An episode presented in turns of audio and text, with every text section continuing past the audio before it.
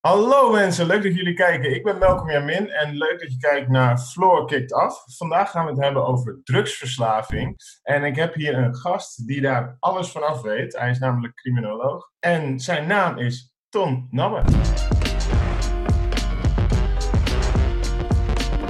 Hoi Ton. Hoi, hallo. Alles goed? Alles prima. Jij introduceerde mij met drugsverslaving, maar het is eigenlijk het is meer uh, drugsonderzoeker uh, vooral naar het gebruik van middelen.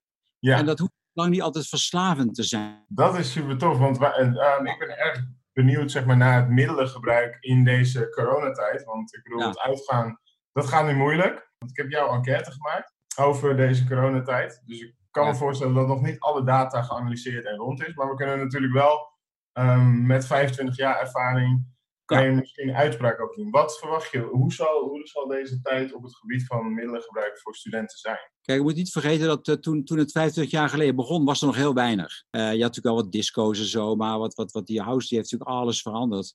En de actie erbij. Dus zo sinds de jaren 90, begin jaren 90 zijn die festivals erbij gekomen. En heeft het eigenlijk tot, tot en met nu, uh, eigenlijk de, de, de, een paar maanden geleden heeft dat geduurd. de festivals werden alleen maar groter, er kwamen meer mensen op af en, en er kwamen steeds meer festivals bij.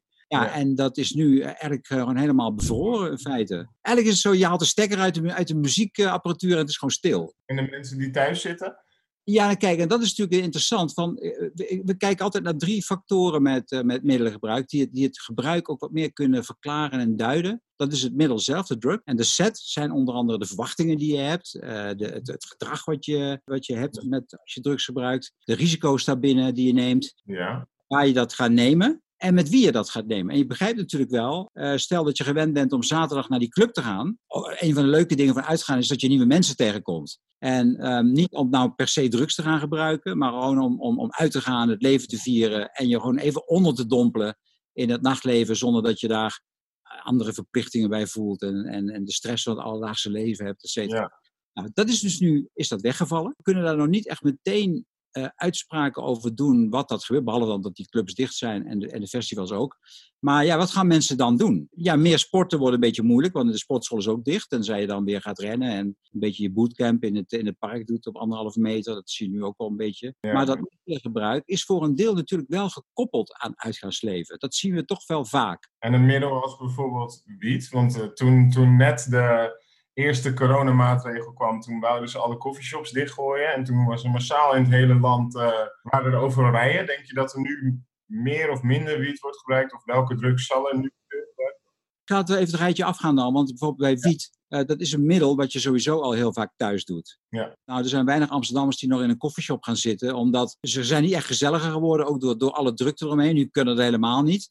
Dus ja. het is gewoon nu uh, ophalen en, en, en ergens anders gaan blowen. Nou, dat is vaak thuis. Ik denk dat dat niet zo veranderd is. Misschien wel dat je wat meer gaat blowen, omdat je ook langer thuis zit. En dat is ook de reden, ja, waarom ga je dan meer blowen? Is het omdat je gewoon uit, dat uit verveling gaat doen, eh, dat je stress voelt, dat je ja, misschien toch even uh, wat, wat meer uh, je, in je eigen fantasiewereld wil kruipen? Want wat zijn de voornaamste redenen? Is het omdat ze bijvoorbeeld ja, vanwege stress, dus met blowen? Nou, eraan. Ik, ik, voor het algemeen, ik noem het altijd meer, meer recreatief gebruik. Dat betekent dus dat je zo nu en dan een middel neemt vanwege uh, het, het, plezier wat je eraan aan, aan beleeft. Het blowen omdat je de muziek leuk vindt om op te luisteren, of dat je creatiever wordt, of dat je associatiever gaat denken. Het zijn ook allemaal eh, ook positief beleefde effecten die mensen hebben als ze, als ze middelen gebruiken. Ik heb wel al een paar mensen geïnterviewd, voor, ook voor, een, voor, voor de nieuwe update. Ja. Kijk, we zien pas echt wat, wat het over een paar maanden gaat doen, maar wat me daarbij opvalt is dat ja, goed, mensen soms elkaar nog wel blijven zien. Een hele kleine nuclei van een paar mensen. Ja. En ja, dan gaan ze ook gewoon GHB doen. En uh, misschien een beetje ecstasy of, of wat ketamine erbij of een blootje. Ja, precies. Een drankje erbij. Dat, dat blijven mensen voor een deel wel doen. Alleen zit er dan nu ook een gevaar bij? Um, iedereen heeft het gevoel dat het gewoon elke dag een zondag is. Denk jij dat er dan meer gevaar is dat mensen verslaafd raken aan uh, drugs en welke drugs is dan het meest gevaarlijk ja, om nu nou, dus, uh, mee op te passen als je een beetje verslavingsgevoelig bent? Ik, ik denk dat vooral uh, de, de, alcohol, roken, cannabis en kook, ook niet te vergeten, is ja, dat je daar misschien wat meer voor op moet passen. Omdat het ook gewoon middelen zijn waar je sneller afhankelijker van wordt.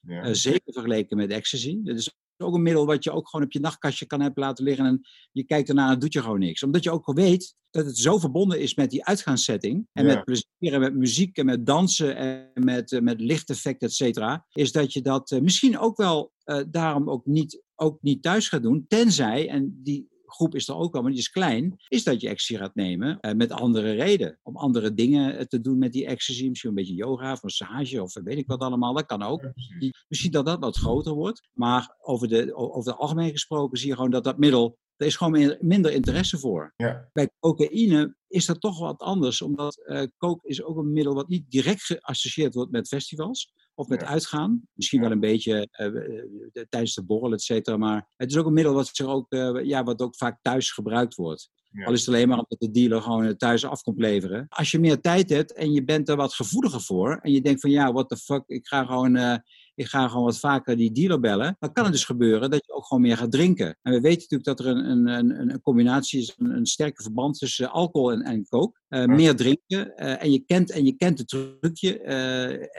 waardoor je gaat snuiven om weer nuchter te worden. Ja. Dus En dan ga je weer door. Ja, precies. Dat kan een gevaarlijke combinatie zijn. Dat je wat makkelijker cocaïne gaat nemen of 3-MMC, eh, dat kan ook.